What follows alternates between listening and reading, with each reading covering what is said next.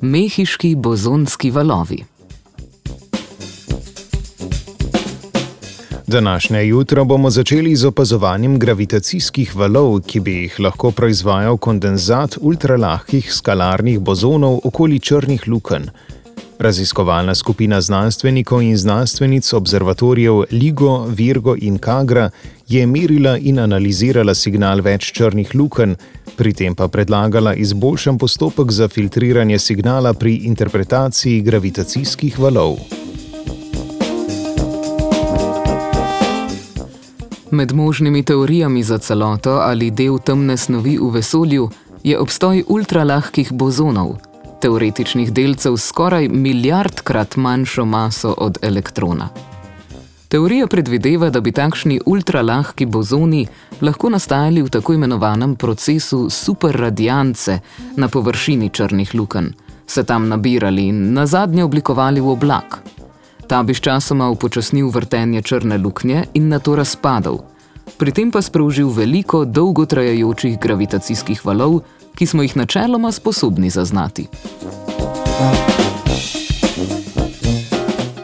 Raziskovalna skupina je obdelovala rezultate meritev signala observatorija za gravitacijske valove LIGO, ki jih je ta zbiral skoraj eno leto.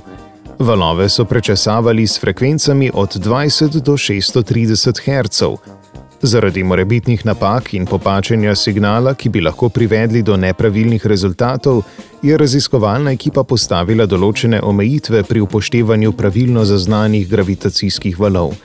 Izločili so meritve, ki bi bile lahko šum drugih prispevkov, napake metode zbiranja podatkov in statistične fluktuacije, ter iz meritev odstranili vse napake ostalih parametrov pri zaznavi signala valov.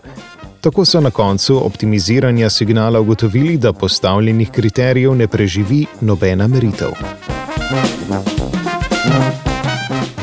Poslušalke in poslušalci si sedaj najbrž belite glavo in menite, da je bil trud znanstvenikov in znanstvenic za manj. Čeprav raziskovalna skupina ni zaznala ustreznega signala, ki bi ga lahko razložili z ultralahkimi skalarnimi bozoni, pa je začrtala boljše meje za nadaljnjo obdelavo tovrstnih podatkov.